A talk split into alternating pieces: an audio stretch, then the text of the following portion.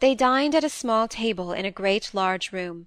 There were so few articles of furniture in it, and the apartment itself was so vast, that Molly longed for the snugness of the home dining room. Nay, it is to be feared that, before the stately dinner at Hamley Hall came to an end, she even regretted the crowded chairs and tables, the hurry of eating, the quick unformal manner in which everybody seemed to finish their meal as fast as possible, and return to the work they had left. She tried to think that at six o'clock all the business of the day was ended, and that people might linger if they chose. She measured the distance from the sideboard to the table with her eye, and made allowances for the men who had to carry things backwards and forwards.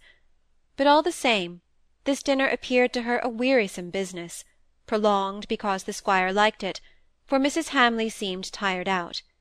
She ate even less than Molly, and sent for fan and smelling bottle to amuse herself with, until at length the table-cloth was cleared away, and the dessert was put upon a mahogany table, polished like a looking-glass.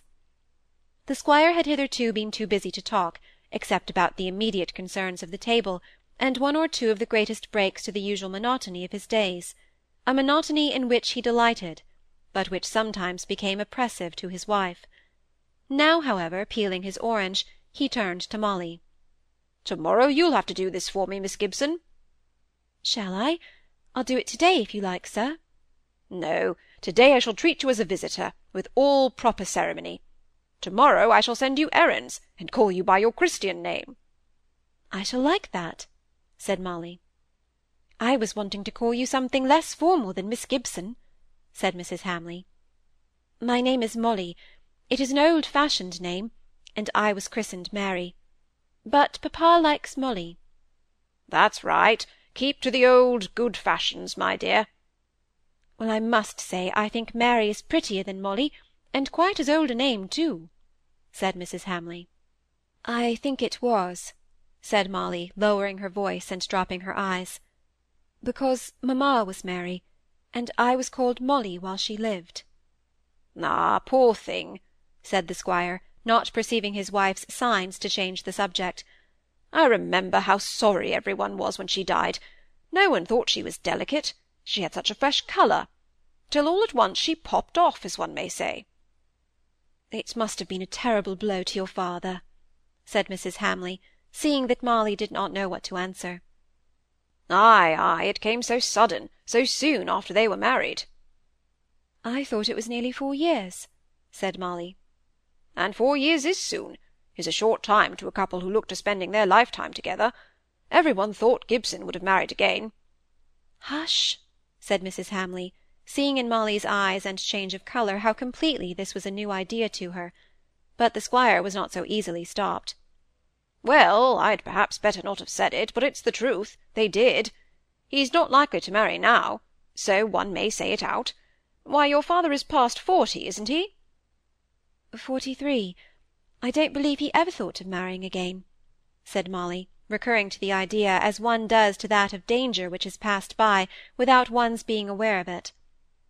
No, I don't believe he did, my dear. He looks to me just like a man who would be constant to the memory of his wife. You must not mind what the squire says. Ah, you'd better go away if you're going to teach Miss Gibson such treason as that against the master of the house. Molly went into the drawing-room with Mrs. Hamley but her thoughts did not change with the room. She could not help dwelling on the danger which she fancied she had escaped, and was astonished at her own stupidity at never having imagined such a possibility as her father's second marriage. She felt that she was answering Mrs. Hamley's remarks in a very unsatisfactory manner. "There is papa with the squire!" she suddenly exclaimed. There they were coming across the flower garden from the stable-yard, her father switching his boots with his riding-whip, in order to make them presentable in Mrs. Hamley's drawing-room. He looked so exactly like his usual self, his home self, that the seeing him in the flesh was the most efficacious way of dispelling the phantom fears of a second wedding, which were beginning to harass his daughter's mind, and the pleasant conviction that he could not rest till he had come over to see how she was going on in her new home stole into her heart, although he spoke but little to her, and that little was all in a joking tone. After he had gone away, the squire undertook to teach her cribbage, and she was happy enough now to give him all her attention. He kept on prattling while they played, sometimes in relation to the cards, at others telling her of small occurrences which he thought might interest her. So you don't know my boys, even by sight. I should have thought you would have done, for they're fond enough of riding into Hollingford, and I know Roger has often enough been to borrow books from your father. Roger is a scientific sort of a fellow. Osborne is clever like his mother. I shouldn't wonder if he published a book some day. You're not counting right, Miss Gibson. Why, I could cheat you as easily as possible. And so on, till the butler came in with a solemn look, placed a large prayer-book before his master, who huddled the cards away in a hurry, as if caught in an incongruous employment; and then the maids and men trooped into prayers. The windows were still open, and the sounds of the solitary corncrake, and the owl hooting in the trees, mingled with the words spoken. Then to bed, and so ended the day. Molly looked out of her chamber window, leaning on the sill, and snuffing up the night odours of the honeysuckle. The soft velvet darkness hid everything that was any distance from her, although she was as conscious of their presence as if she had seen them. I think I shall be very happy here, was in Molly's thoughts, as she turned away at length, and began to prepare for bed. Before long the squire's words relating to her father's second marriage came across her, and spoilt the sweet peace of her final thoughts. Who would he have married? she asked herself. Miss Eyre? Miss Browning? Miss Phoebe? Miss Goodenough? One by one each of these was rejected for sufficient reasons, yet the unsatisfied question rankled in her mind, and darted out of ambush to disturb her dreams. Mrs. Hamley did not come down to breakfast, and Molly found out with a little dismay that the squire and she were to have it by themselves. On this first morning he put aside his newspapers, one an old established Tory journal, with all the local and county news, which was the most interesting to him; the other the Morning Chronicle, which he called his dose of bitters, and which called out many a strong expression and tolerably pungent oath. To-day, however, he was on his manners, as he afterwards explained to Molly, and he plunged about, trying to find ground for a conversation. He could talk of his wife and his sons, his estate and his mode of farming, his tenants and the mismanagement of the last county election. Molly's interests were her father, Miss Eyre, her garden and pony; in a fainter degree Miss Browning's, the Cumnor Charity School, and the new gown that was to come from Miss Rose's; into the midst of which the one great question, "Who was it that people thought it was possible papa might marry?" Kept popping up into her mouth, like a troublesome jack-in-the-box. For the present, however, the lid was snapped down upon the intruder as often as he showed his head between her teeth. They were very polite to each other during the meal, and it was not a little tiresome to both. When it was ended, the squire withdrew into his study to read the untasted newspapers. It was the custom to call the room in which Squire Hamley kept his coats, boots, and gaiters, his different sticks and favourite spud, his gun and fishing-rods, the study. There was a bureau in it, and a three-cornered arm-chair, but no books were visible. The greater part of them were kept in a large musty-smelling room, in an unfrequented part of the house, so unfrequented that the housemaid often neglected to open the window-shutters, which looked into a part of the grounds overgrown with a luxuriant growth of shrubs. Indeed, it was a tradition in the servants' hall that in the late squire's time he who had been plucked at college the library windows had been boarded up to avoid paying the window-tax; and when the young gentlemen were at home, the housemaid, without a single direction to that effect, was regular in her charge of this room opened the windows and lighted fires daily, and dusted the handsomely bound volumes, which were really a very fair collection of the standard literature in the middle of the last century. All the books that had been purchased since that time were held in the small bookcases between each two of the drawing-room windows, and in Mrs. Hamley's own sitting-room upstairs. Those in the drawing-room were quite enough to employ Molly. Indeed, she was so deep in one of Sir Walter Scott's novels that she jumped as if she had been shot when an hour or so after breakfast the squire came to the gravel path outside one of the windows, and called to ask her if she would like to come out of doors and go about the garden and home fields with him. It must be a little dull for you, my girl, all by yourself, with nothing but books to look at, in the mornings here. But you see, madam has a fancy for being quiet in the mornings. She told your father about it, and so did I, but I felt sorry for you all the same, when I saw you sitting on the ground all alone in the drawing-room. Molly had been in the very middle of the Bride of Lammermoor, and would have gladly stayed indoors to finish it, but she felt the squire's kindness all the same. They went in and out of old-fashioned greenhouses, over trim lawns. The squire unlocked the great walled kitchen garden, and went about giving directions to gardeners. And all the time Molly followed him about like a little dog, her mind quite full of Ravenswood and Lucy Ashton. Presently every place near the house had been inspected and regulated, and the squire was more at liberty to give his attention to his companion, as they passed through the little wood that separated the gardens from the adjoining fields. Molly, too, plucked away her thoughts from the seventeenth century, and somehow or other that one question, which had so haunted her before, came out of her lips before she was aware, a literal impromptu. Who did people think papa would marry? That time, long ago, soon after mamma died. She dropped her voice very soft and low as she spoke the last words. The squire turned round upon her, and looked at her face, he knew not why. It was very grave, a little pale, but her steady eyes almost commanded some kind of answer. "Phew!" said he, whistling to gain time. Not that he had anything definite to say, for no one had had any reason to join Mr Gibson's name with any known lady. It was only a loose conjecture that had been hazarded on the probabilities, a young widower, with a little girl. I never heard of any one. His name was never coupled with any ladies.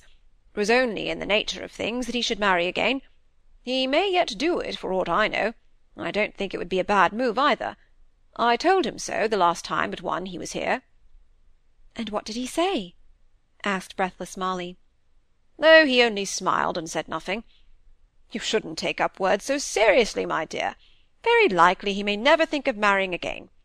And if he did, it would be a very good thing both for him and for you. Molly muttered something as if to herself, but the squire might have heard it if he had chosen.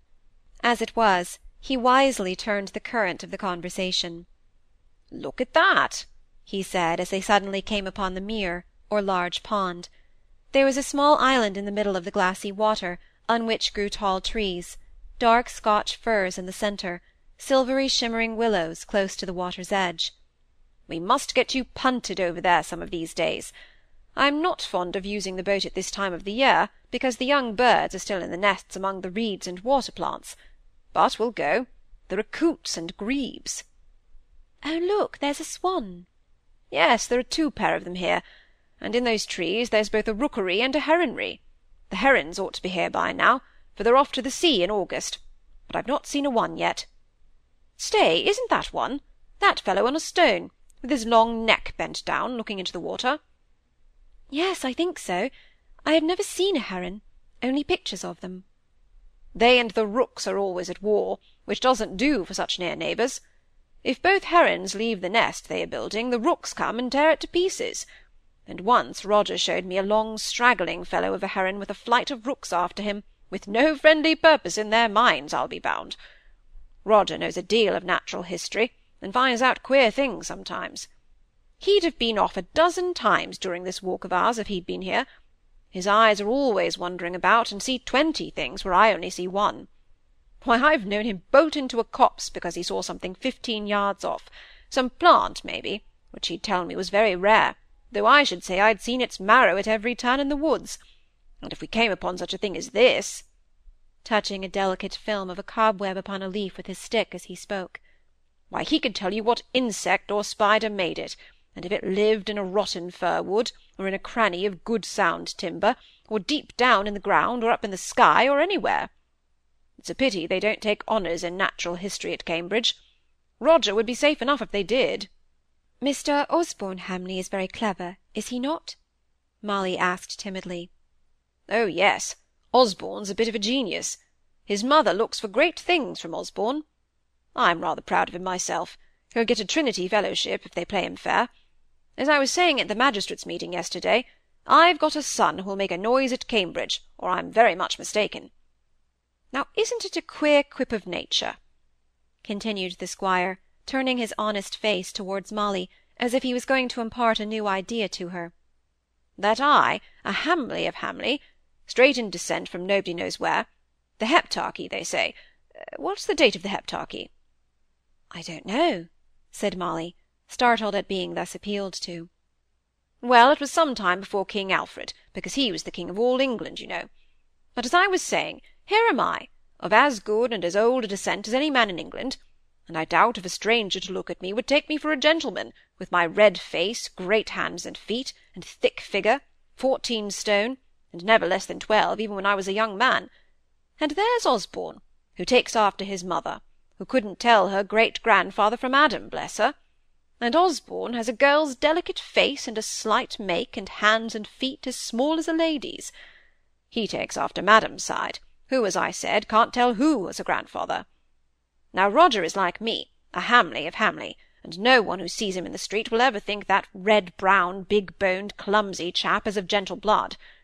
Yet all these Cumnor people, you make such ado of in Hollingford, are mere muck of yesterday.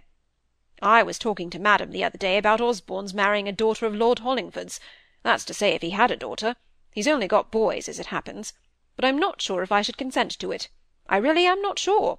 For you see, Osborne will have had a first-rate education, and his family dates from the Heptarchy, Well, I should be glad to know where the Cumnor folk were in the time of Queen Anne." He walked on, pondering the question of whether he could have given his consent to this impossible marriage, and after some time and when Molly had quite forgotten the subject to which he alluded, he broke out with, "No, I'm sure I should have looked higher. So perhaps it's as well my Lord Hollingford has only boys." After a while he thanked Molly for her companionship with old-fashioned courtesy, and told her that he thought by this time madam would be up and dressed, and glad to have her young visitor with her. He pointed out the deep purple house, with its stone facings, as it was seen at some distance between the trees, and watched her protectingly on her way along the field paths. "That's a nice girl of Gibson's," quoth he to himself. "But what a tight hold the wench got of the notion of his marrying again! One had need be on one's guard as to what one says before her. To think of her never having thought of the chance of a stepmother! To be sure, a stepmother to a girl is a different thing to a second wife to a man."